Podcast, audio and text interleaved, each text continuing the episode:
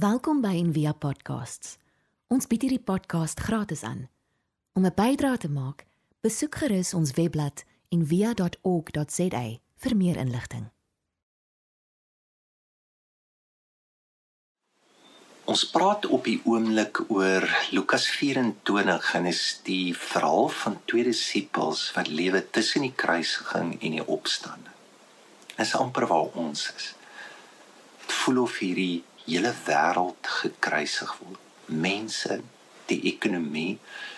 En as nie 'n opstanding nie, ons weet nie hoe lank dit gaan aanhou nie. Ons weet nie wat dit beteken vir my lewe nie.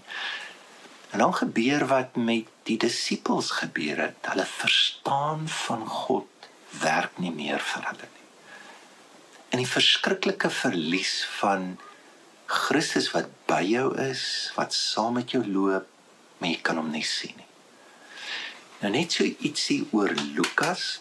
Hy's die enigste persoon wat nou hierdie storie het van al die evangelieskrywers. Hy's 'n mediese dokter, hy's 'n wetenskaplike en hy gee vir jou ongelooflike blik op menslikheid. Hy skryf meer oor vrouens as enige ander skrywer. Hy laat jou verstaan dat jou liggaam is 'n instrument waardeur God praat en as hy die genesings beskryf, dan koppel hy dit aan redding. Dit sou van baie vreemd wees wat ons doen dat redding is 'n transaksie vir jou om vinnig in die hemel te kom. Nee nee, jy's 'n tempel en God kom deur jou liggaam na jou toe. En 'n mens kan ook sien hy moes seker 'n baie groot invloed op Paulus se lewe gehad het want Paulus noem hom my geliefde geneesheer. En ek dink hy het Paulus gehelp om die wetenskap ook by goddelike genesing uit te bring. Jy kan sien hoe prakties Paulus raak. So hierdie is 'n verhaal wat vir ons vertel wat gebeur as ons menslikheid versteur word. Hoe gaan ons om daarmee? En dan miskien net so ietsie oor as jy die ja die stories probeer verstaan of verhale dan reken baie mense hierdie is net 'n storie wat Lukas vertel. Hier kan die Jode ons help. Hulle maak nie 'n onderskeid tussen feite en fiksie nie.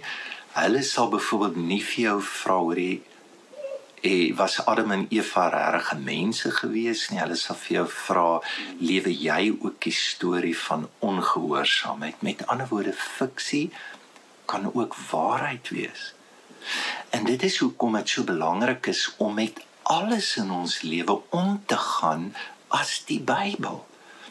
En om God in alles te sien dat dit nie iets is wat ons probeer kognitief beheer waaruit ons bewyse kry want die opstanding gaan regtig nie oor 'n bewys nie. Dit gaan oor 'n diep diep ervaring van iets wat met jou kan gebeur as jy nou is waar hierdie disippels is. So waar is dit? Tussen die opstanding en die kruisig.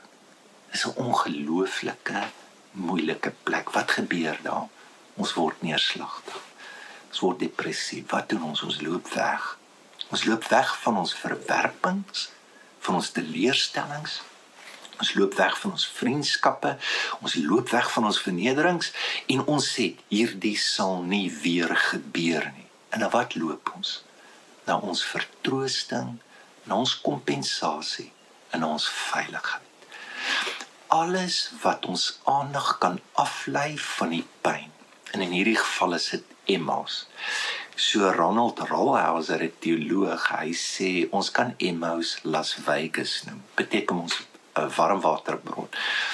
So in die disippels sit agter mure hierdie twee verhuil daai muur vir Las Vegas Ehm um, en en en en dis die groot ding van hierdie tyd. Daar's iets waaruit jy moet wegkom. Daar's iets wat jy moet oopsluit. Daar's iets waar jy moet loop. Dis dis soos die opstanding. Daar's 'n steen, daar's 'n grafsteen. As hy voor die graf gerol word, as jy agter 'n muur en jy's vas, hy moet weggerol word. En dit gaan nie help ons weef ons toe agter mure want dit is alles maniere om eintlik jouself mee te vermy. Jy kan daar bly, jy gaan nie lank genoeg daar bly nie. Hoekom? Jy gaan rusteloos word. En soos wat ons nou op die oomblik word. So net so ietsie oor rusteloosheid. Ek ek dink regtig nie dat um, ons word rusteloos nie. En ons raak rusteloos nie. Ek dink ons is. Ek dink ons word so gemaak dat God het ons dis ons nering. Dis is die ou kerkvader Augustinus, hy het gesê my siel bly onrustig totdat ek rus vind in U. Daarom sukkel ons om te konsentreer in die dag. Ek dink daarom sukkel ons om te slaap en al ons prestasies, ons suksesse, dit gaan ons nooit bevredig nie. Ons lewe soos iemand wat gesê het, we live with quiet desperation.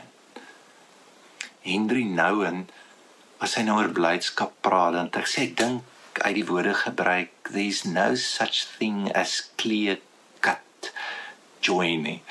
Uh, Daar's nie iets so suiwer blydskap nie, want met die met die wonderlikste bly wat jy het gaan daar nog bietjie jaloesie, gaan daar vrees, gaan daar iets wees. Ek en jy is maar soos babas en is die beeld vir spiritualiteit vir ons lewe. En as jy nou 'n kinderoppasser kry nê en hulle bring vir jou die grootste speelgoed en jy speel en dit is so wonderlik. Dit gaan net 'n ruk hou. Maar as dit aand word dan jy gaan jou ma mis. Jy gaan jou ma begin te soek. Jy moet jou ma se stem hoor. God is 'n moeder. Is jou moeder. Jy gaan nooit stil word nie. Tensy jy drink, tensy jy teen die bors vasgedruk word.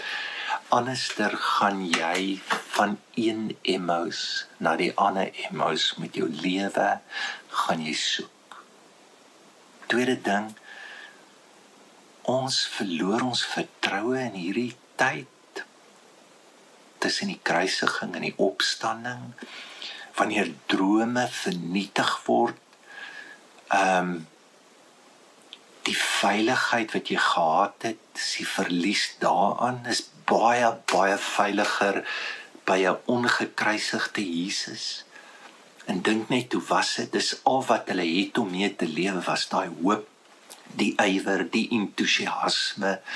Ehm um, en nou daai storie opgehou.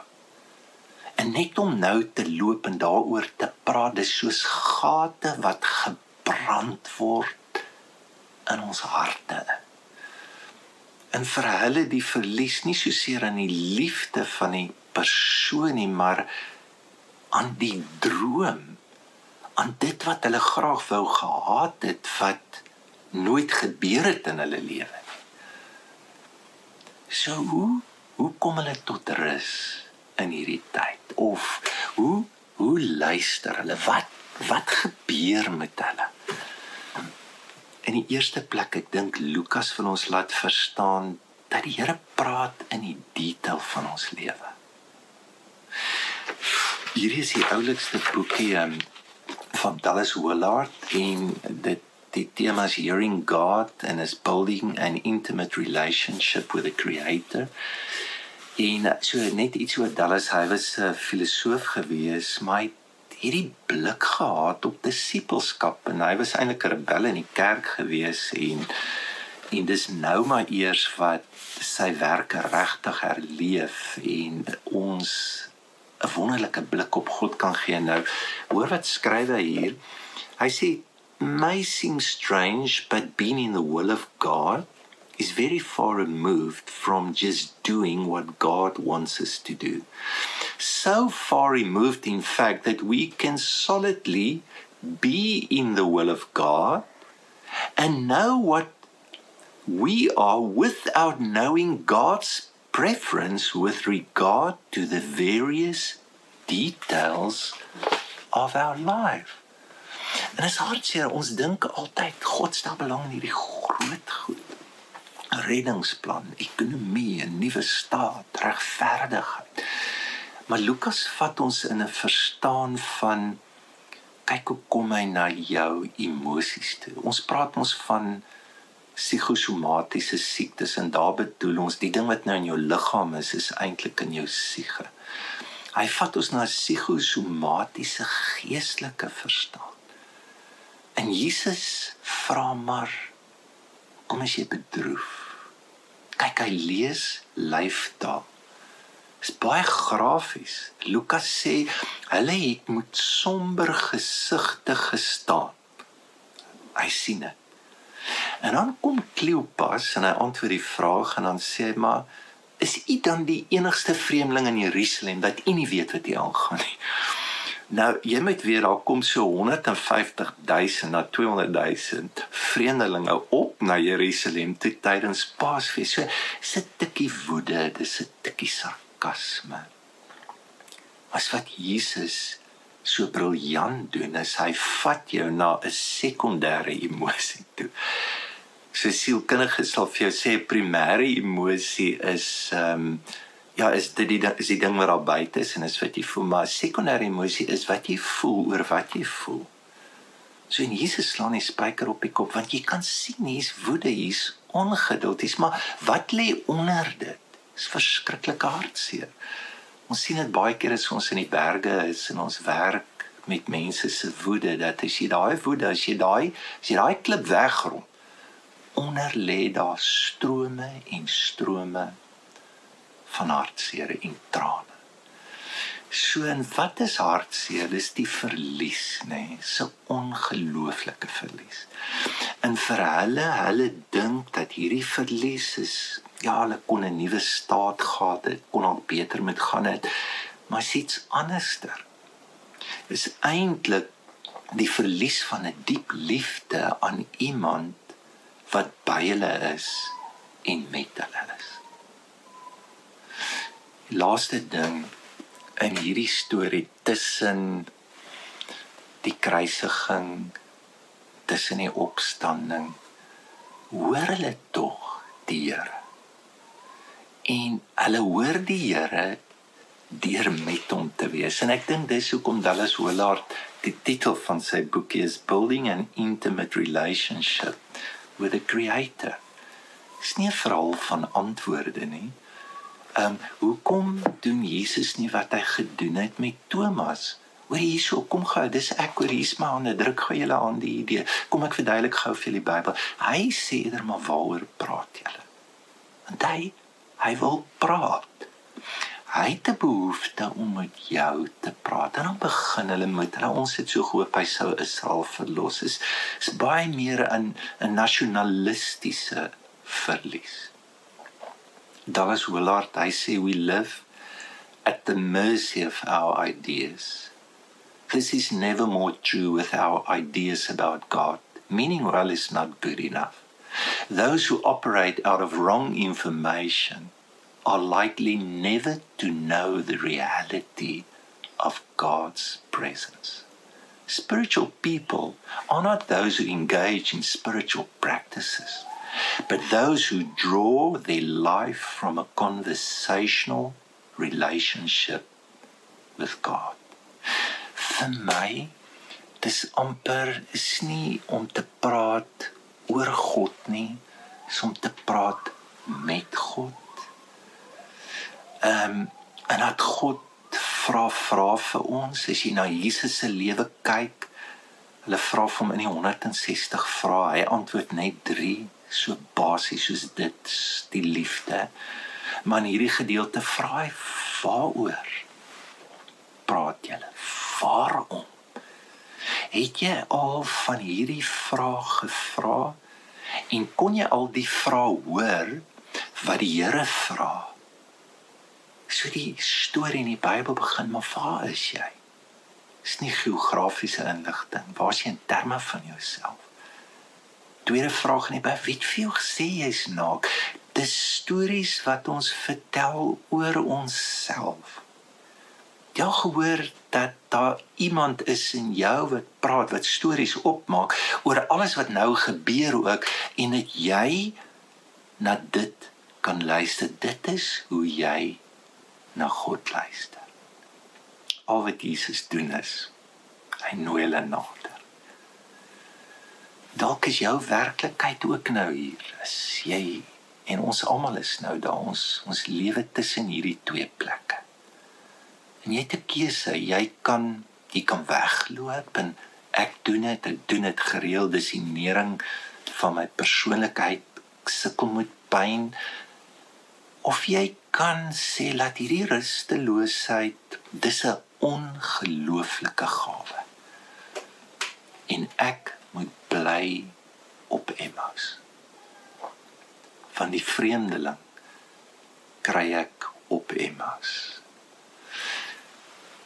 Mag ons rusteloosheid en mag ons nie weet en mag ons nie sien op hierdie oomblik van hoe naby die Christus in elk geval aan ons loop. Mag dit ons die gawe gee om regtig die detail van ons lewe, die klein van die klein ervaar hoe God na ons lewe toe kom. En mag ons die vreemdeling hoor wat vandag nog praat op ons baie na Emmaus toe. Ons hoop van harte jy het hierdie podcast geniet of raadsaam gevind. Besoek gerus en via.ok.za vir meer inligting.